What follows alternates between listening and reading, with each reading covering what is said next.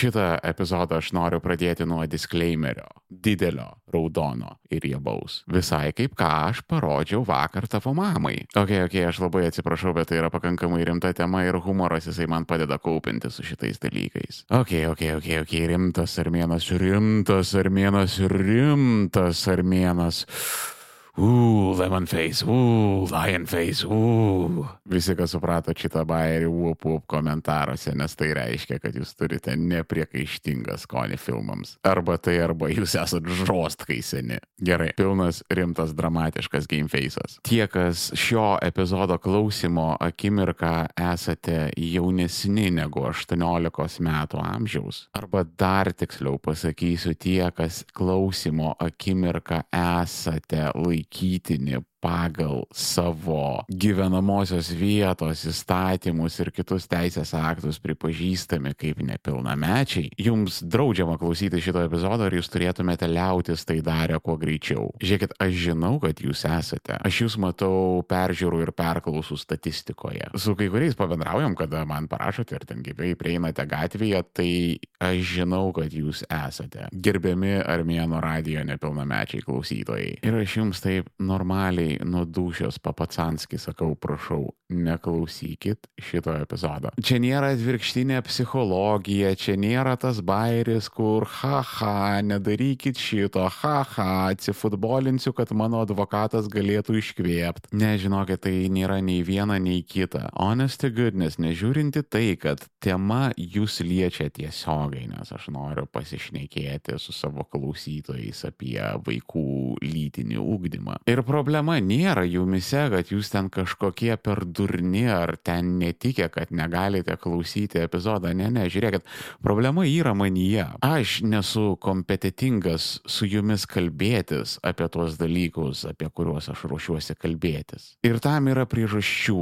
Vėlgi, ne dėl to, kad jūs kažkokie per kvaili. Viskas su jumis yra tvarkoj, jūs viską kuo puikiausiai suprantate, bet problema yra ta, kad jūs ir ypač jūsų protai tai jūs esate trapus. Ir dalykai, apie kuriuos aš kalbėsiu, jie gali netyčia ten kažką jums užgauti. Ir labai leim nuskambės, bet jūs suprasite, kada jūs suauksite. Neskubėkite prarasti to nekaltumo, kurį dabar turite. Nes tik suaugę jūs suprasite, kokį lobį praradote. Patikėkite manim. Ir dar labiau noriu pabrėžti, tai nėra kažkokios manipuliatyvios marketingo technikos, kada yra užhype hypinama specialiai, kad oi, nedarykit to, nedarykit to ir tada tas suveikia uždrausta vaisiaus efektas. Bet čia yra dalykas kaip su Jungle King. Kada tau sako, kad seniai labai blogai, tai reakščiulį turimo omenyje, kad tai labai labai labai blogai. Todėl malalietkos nepilnamečiai. Po to, kai netrukus sušnypš armėno radio intro, tai bus taškas, po kurio jūs negalite toliau klausytis. Aš jumis labai pasitikiu. Prašau,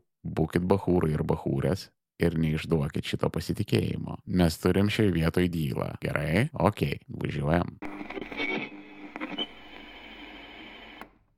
Šitą epizodą bei iškarpimų reklamų nuo 1 euro galima išgirsti Armėno radio kontribį arba patronė. Visos nuorodos aprašymuose ir komentaruose apačioje. Labai panašu, kad vaikų lytinis ūkdymas pavirs į vieną iš tų didelių, ilgai besitęsiančių kontroversijų, kurios yra absoliučiai ridiculous, pastatytos ant nieko. Bet tai yra amžinas šiukšlių konteinerio gaisras, kuris rusena dešimtmečiais. Kažkas tokio nepakartojamai idiotiškai durno kaip QXW raidžių ginklų legalizavimas. Ta prasme, dėl šito pilko, nykaus ir niekam neįdomaus formalumo diskusijos vyko pastaruosius 25 metus. Ta prasme, ištisi judėjimai, ištisos politinės karjeros buvo pastatytos ant tų trijų anglosaksiškų raidžių, nuo kurių buvo ginama šventa lietuvių kalba. 25 metus, mažiausiai 25 metus vertybininkai draskė nuo savęs marškinius ir isteriškai žviegia, kad mes sunaikinsim lietuvių kalbą. Nu ir legalizavo analizavo tas raides, nu ir stovi ta lietuvių kalba, niekur jinai nedingo. Dangus nesugriuvo, Nida nepaskendo, Petras Gražulis vis dar yra gėjus. Labai gerai pamenu, visus 90-uosius buvo labai didelis vajus apie vaikų ir moterų apsaugos nuo smurto. Tokio paties durnumo argumentai. Čia buvo žadėta, kad bus epidemija nepilnamečių nusikaltelių ir benamių vyrų nekaltai apkaltintų barakūdų, su kuriomis jie turėjo nelaimės gyventi dėl smurto artimojo aplinkoje ir tai praradusių savo būstus. Ir po šitų dalykų įgyvendinimo praėjus dešimčiai, daugiau negu de, kokie gal penkiolika metų bus praėję. Praėjus šitiek laiko, čia gatvės turėjo būti nuklotos lavonais žmonių, kuriuos paštyrino nepilnamečiai. O po kiekvienu tiltu turėtų būti po šimtą benamių vyrų. Ir tokių mes ne vieną turim. Žemės nepardavinėjimas užsieniečiams. Tas draudimas senų seniausiai neveikia. Tai yra figos lapelis. Yra daugybė metodų šitą draudimą apeiti ir tai žino kiekvienas nekilnojamo turto brokeris. Bet vos tik prie šito daikto prisilieti, iš karto matai televizoriuje besiputojantį vertybininką, kad tuoj čia atvažiuos užsieniečiai, supirks visą Lietuvą, o lietuvius uždarys į rezervatus. Užsieniečiai visada turima omenyje patys žinote kas - žydai. By the way, tas dalykas su žemės nepardavinėjimu užsieniečiams Lietuvos teisėkuroje jisai iš esmės ir atsirado dėl žydų. Todėl, kad pasaulyje yra daugybė nuo holokausto bėgusių asmenų ir jų palikonių, kuriems ten pagal visokias paveldėjimo ir palikimo teisės priklauso daugybė nekilnojamo turto Lietuvoje. Realiai pusė Vilniaus senamešio priklauso tiems žmonėms. Ir tie teisės aktai, kuriems buvo uždrausta Lietuvos Respublikoje užsieniečiams įgyti nekilnojamą į turtą, jų paskirtis buvo labai aiškiai ir konkrečiai antisemitinė. Neduod žydams atgauti nuosavybės, kuriems priklauso teisėtai.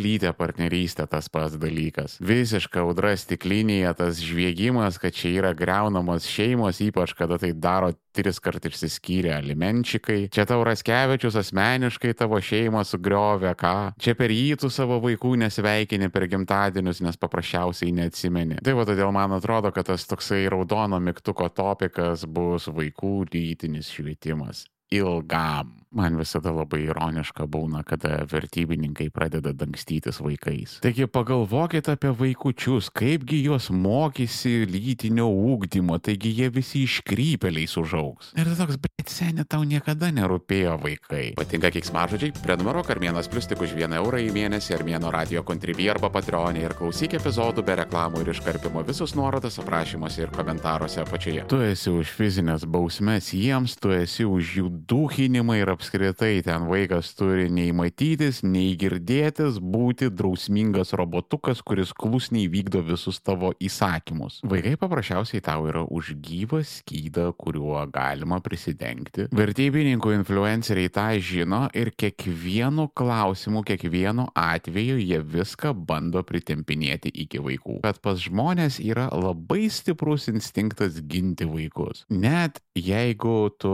neturi vaikų, net jeigu tu esi klaikus mizantropas, kuris sako, kad nekenčia vaikų. Ir čia žinokit, visada yra toksai indikatorius, kada žmogus neturi gero keiso, jisai dažniausiai stengiasi apeliuoti į šeimą arba vaikus. Čia yra tiesiog miglos putimas, nes tu hijackini visą pokalbį. Jeigu nesugėdo, kam taisyti. Nes vido bareikia Lietuva yra labai, labai paprasta patampyti už nervų naudojant va šituos va dalykus. Vaikai, šeima, prabilęs apie vaikus, tu iš karto pradedi kelti tam tikrą svarbos ir nerimo reakciją. Nu, čia yra gerai žinomas mokslinis faktas, kad tu tiesiog pradedi kalbėti apie ten, kad ir abstrakčią žalą vaikams ir galima fiksuoti įtampą kylančią žmonių kūnuose. Ir viskas tai vyksta nesąmoningai. Ir tada viso, tu įmeti tokį foninį emocinį triukšmą ir visa argumentų kalba pasibaigia. Atkreipkite dėmesio, vad kaip tik tai populistas, kaip tik tai marginalas taip ir draskosi. Nes idėjų plotmėje jie yra visiškai bejėgiai. Jų argumentai griūva ten vos tik tai stumtelėjus. Tam jie ir pereina į emocijas. Nes ten jie turi nors kažkokį pranašumą. Ir čia aš jūs patikinsiu kaip žmogus, kuris prekiauja emociją emocijomis. Aš esu pats pikščiausias žmogus pasaulyje. Čia gyvena pyktis yra šito podkasto taglainas. Ir aš tai jums selinu pykti. Reumojantis ugnimi besispjaudantis žvėris, kuris sakys šlykščią tiesą. Ir galės pykti už jūs. Matot, kaip aš tai nuspalvinau iš karto vaizdiniai galvose. Aš galiu pradėti skaityti bomšpakio turinį ir jūs sėdėsit ir klausysit išsižioję. Charizmatiškas darbas, už tai jūs man ir sumokate. Ir manipuliuoti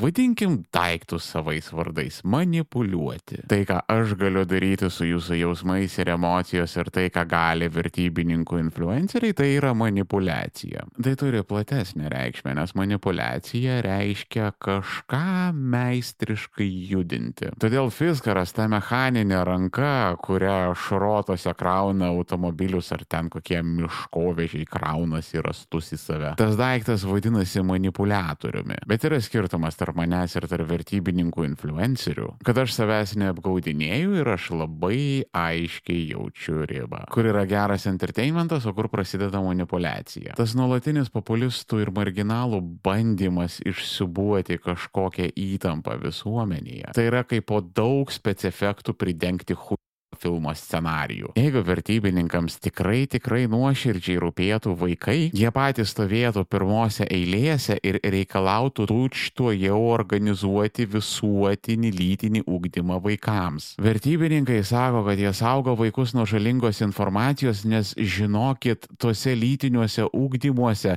tengi Sorošas viską sugalvojo, tenaisgi yra mokoma vaikų homoseksualizmo, ten homosatinizacija, žinokit, vyksta, ten jiems išplaunamos yra smegenys ir žinokit, jie tada nusprendžia, kad jie yra gėjai ir gėjos ir tada jie sugalvoja, kad jie nekenčia savo tėvų ir išsižada savo šeimos ir tampa narkomanais ir pasidaro daug tatuiruočių ir tada pradeda pardavinėti savo kūną internete. Čia yra tas isteriškas vertybinis naratyvas in a nutshell. Bet tame tarpe nėra nei vieno įrodymo. Jie neatsineša su savimi nei vieno lytinio ūkdymo vadovėlio ir neparodo pirštų, kur tenais tai yra parašyta. Jeigu ir kažką atranda, tai dažniausiai būna vienas iš dviejų atvejų. Arba viskas yra kuo žiauriausiai ištraukiama iš konteksto, arba paprasčiausiai piktybiškai ar tai per nežinojimą jiems į rankas papuola fejkas. Tokių žinokit yra daug, pilnas internetas PDF-ų su lytinio kabutėse ūkdymo dar kartelį kabutėse programomis, kur ten taip ir parašyta garbink šetoną, išsižadėk tėvų, per šikną spjaudyk ant Kristaus, sirg živ, vartok narkotikus ir žudyk vaikus. Ten elementaraus patikrinimo metu yra viskas labai greitai debankinama. Ir ten, žinokit, nereikia skirmanto Malinausko epizodo, kad visą tai išsiaiškinti. Ten giliai krapštyti nereikia. Tai daro gana nesofistikuoti, gana neprotingi žmonės, kurie net nepasivargina savo metadatos iš dokumentų išvalyti. Ir ten, kaip visada, paaiškėja, kad šitų dalykų autorius nutinka koksai nors fundamentalistinių bažnyčios pastorius. Ar ten koksai nors Saudo Arabijos finansuojamas musulmoniškasis think tankas. Arba kokia nors ortodoksų žydų organizacija. Ar, nu, ta prasme, mes turim tą tokią vaivorykštinę religinių fanatikų koaliciją, kuri prolifinėmis apimtimis tiražuoja va tuos va tipo aletai ten vaikų, ten genderizmo sorošinių feikus. Čia nutiko toksai off topicas apie Rusiją, Rusijos specialiasias tarnybas tarnybas ir kibernetinį nusikalstamumą. Kalba visai ne į temą, bet kažkaip gaila išmesti. Čia gana įdomus standalone topikas, todėl viską padėjau į Armėnas Pro. Armėnas Pro - pilnos trukmės epizodai be reklamų. Užsisakyk planą Armėno radio kontribį arba Patreonė tik 4 eurai 99 į mėnesį. Visus nuorodos aprašymuose ir komentaruose apačioje. Visais atvejais vertybininkai neturi nieko parodyti. Dėl to jie kelia triukšmą, nes jų argumentai paprasčiausiai nestovi. Aš čia turiu labai sultingą bairį apie apie tavo mamą, bet susilaikysiu, nes esu antie klasiškas. Visų pirma, pradėkime nuo to, kad lytinis ūkdymas arba seksualinis švietimas, kaip jie tai vadina, nes labai yra svarbu šitą dalyką ir susijęti su vaikais. Nes jeigu tu su vaikais gali lengvai turėti kontroversiją, tai seksualinis vaikus. Uuu!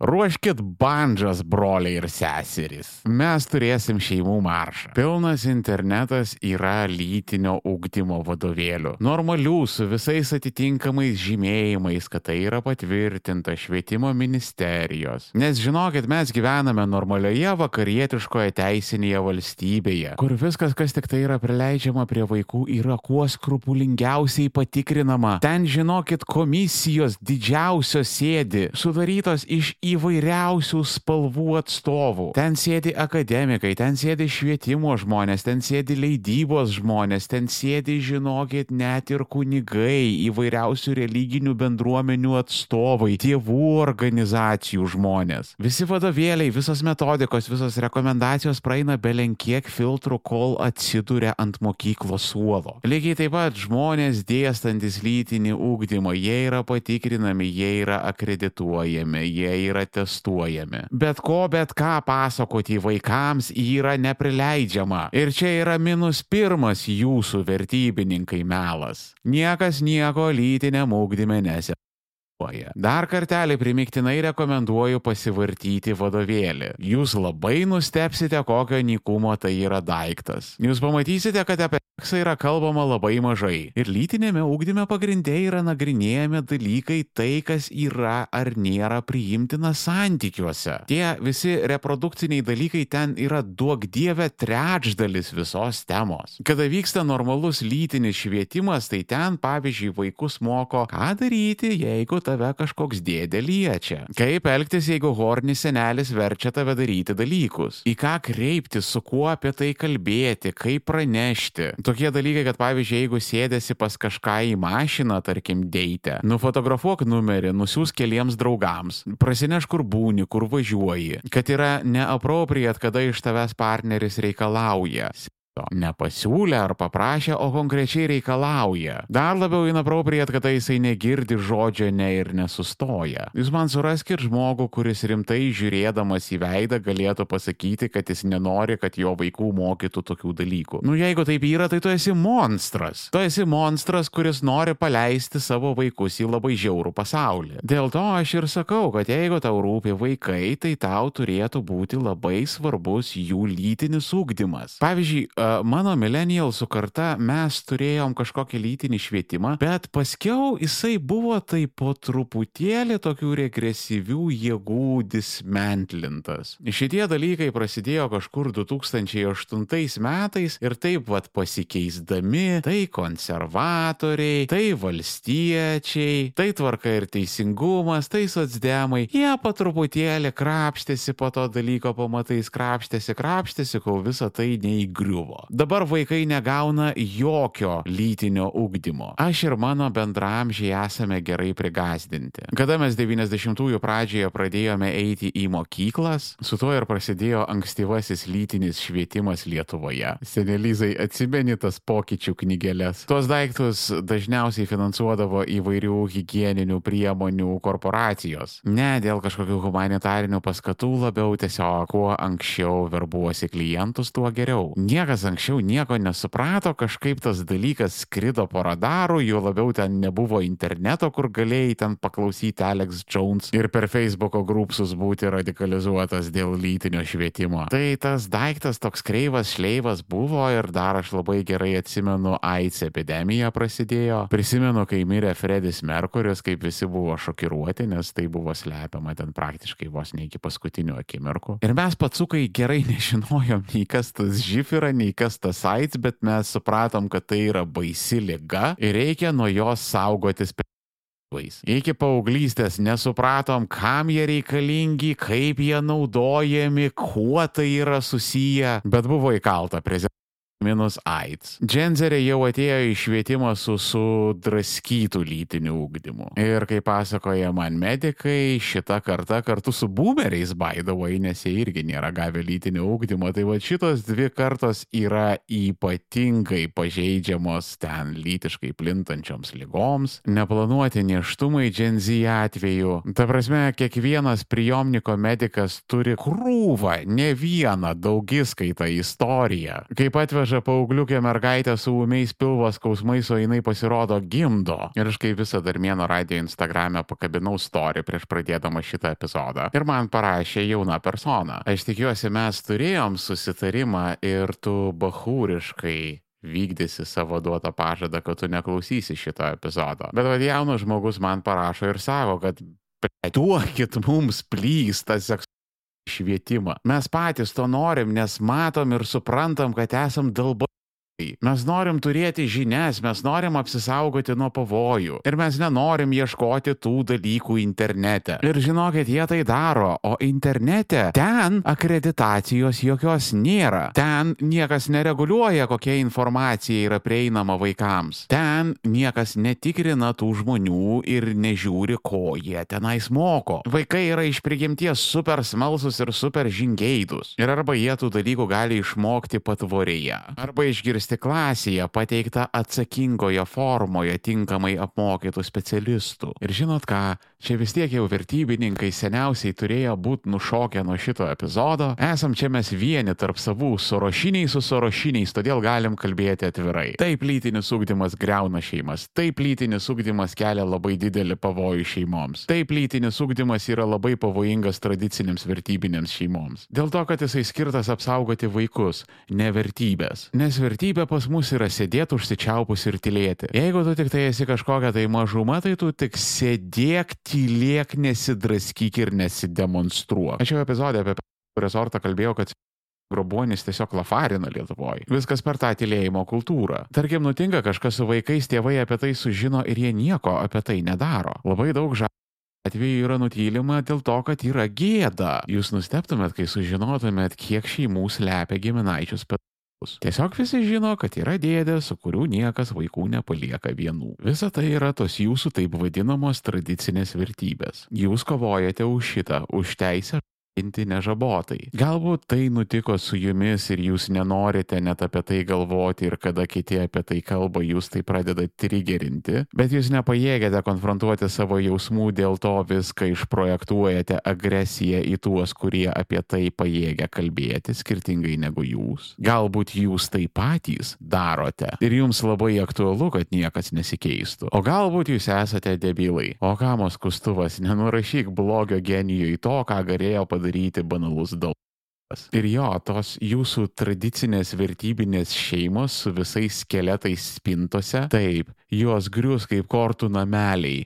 nuo lytinio ūkdymo. Kada vaikai turės įgūdžius suprasti ir atpažinti, kas su jais vyksta, jie nebijos to sustabdyti. Ir visos tos jūsų taip vadinamos tradicinių, taip vadinamų vertybių šeimos, kur makabriški dalykai yra uždangstyti, jūsų laukia paskutinis teismas. Ir čia yra ne tik apie šeimas, nes žiūrėkit, pagrindė lytiniai nusikaltimai ir ne tik vaikams, bet ir saugusiems.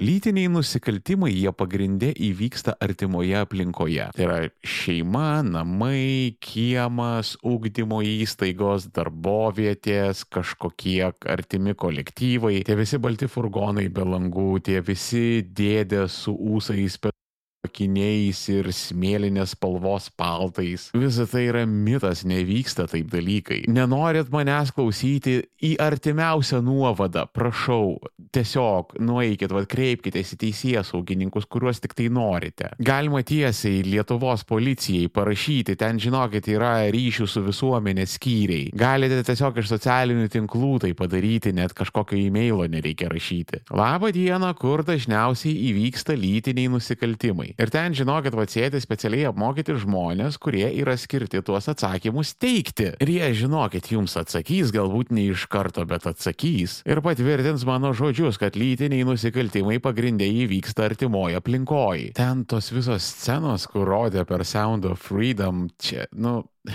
Tai yra kraštutinai retai pasitaikantis dalykai. Taip retai pasitaikantis, kad čia pasaulis savaitėmis netilėtų žiniasklaida apie tai rašytų, įrašytų, įrašytų nesustodama. Užtektų vieno tokio išaiškinto globalaus vaikų grobimo tinklo ir viskas. Čia būtų šokas ilgam, nes tiesiog dalykai realybėje nevyksta taip. Pavyzdžiui, visa istorija yra tiesiog ant bullshito pastatyta. Kalbu apie Sound of Freedom siužetą, nes jis ten olio ten tikrais faktais faktais paremta, ten visa kita. Ten viskas yra įkvėpta to Operation Underground Railroad. Yra tokia amerikietiška organizacija, kuri ten daro visokias operacijas ir stabdo traffickingą. Tik vad, kai tik tai kokie nors žurnalistai tuo dalyku pasidomi, tai kažkaip ten labai overhypina žmonės viską, ką jie daro. Be jokios abejonės, čia viską juos teršia ir simierina sorošinių spauda. Gadina gerų žmonių reputaciją, bet jūs actually nueikite ir paieškokite tos organizacijos, ar jie turi foto, ar jie turi video, kaip tai viskas atrodo. Nes jo viena, kai yra parašytas tekstas, mes padarėme to ir to, kita, kada yra tų darbų, video ir foto kažkokie įrodymai. Ir vad kažkaip labai taip keistai nutinka, nu čia, nu, sutapimas visiškas, kad kai tik tai pasidomi Operation Underground Railroad actually nuveiktais darbais ir randi ten kokiu nors foto ir video, tai kažkaip, nu, nu ten, nu taip selektyviai viskas yra sumontuota. Gerai, dramatiškai, bet kažkaip visai be faktinės informacijos. Ir visas filmas paprasčiausiai yra sukonstruotas kaip emocinis roller coasteris. Hebra, žinau šitos dalykus. Aš copyrightinu, aš įrašinėjau podcastus, aš reelsus darau, aš pats filmus montuoju akcentuoju, aš esu emocijų biznyje. Ir aš labai gerai atpažįstu, kada kiti žmonės tai daro. Ir Sound of Freedom yra tiesiog tai filmas, kuris pervelka tave per tokią sunkę, dramatišką emocinę kelionę su didinga ir herojiška ir viską atperkančia pabaiga. Tai yra formulė. Kaip pirago receptas, ten 200 gramų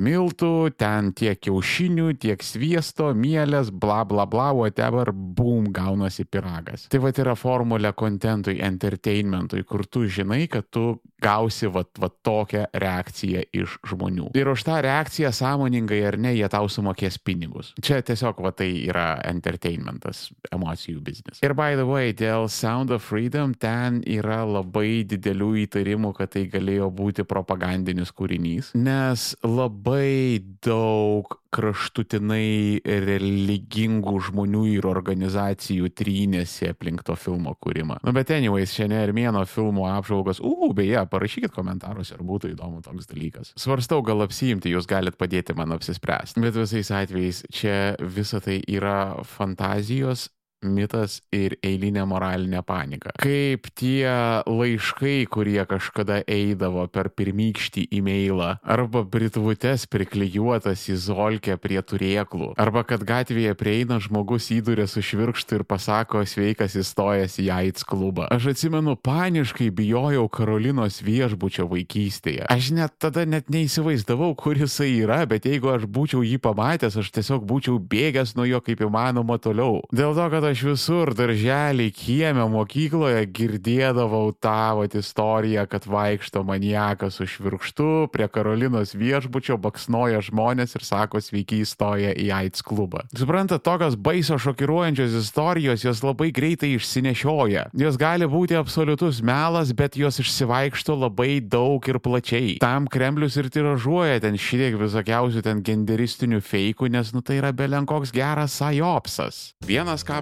paramos fondas jau užtiso daugybę orkų šventoje Ukrainos žemėje, bet tų orkų yra daug ir mums labai reikalinga jūsų pagalba juos pirkti. Pirkti orkus kartu su vienas K paramos fondu donate.1kfund.org arba ieškokit nuorodo komentaruose apačioje. Ačiū Jums labai. Vienas K paramos fondas. Mes visus išpirkime. Teisingai pataikęs į visuomenės nervą, tu gali sukelti tokią normalią garždų bangą. Bet jeigu jums taip atrodo, tai žinokit, nereiškia yra tiesa. Nes kai atrodo žegnotis reikia, yra tokie dalykai kaip faktai, empiriškai ir mokslu patvirtinti. Tik problema juos visada perėkia emocijos. Todėl ir sakau, dėl vaikų lytinio ugdymo mes kaip visuomenė čia dar ilgai laužysim jėtis. Aš būsiu šokiruotas, jeigu čia kažkas greitai pasibaigs, nes TV3 žiūrinti sofos politikė babytė, vadinai geriausiai žino, ko reikia vaikams. Vadinai aiškiausiai supranta, kas dabar vyksta jaunimo gyvenime. Puikiai su visais niuansais suvokia jaunų asmenų problemas. Ir ta vad beraštė teta su gėlėmis Facebook'o profilio foto, vadinai yra tas, kas sprendžia dėl vaikų lytinio ūkdymo. Dėl to, kad jinai balsuoja. Ir garsiai reiškia savo nuomonę. Ir neša dėmesį ir peržiūras. O jūs jaunimas, ne. Net kai gaunate balso teisę, jūs ją nepasinaudojate. Todėl gyvenate akmens amžiuje su baudžiakais už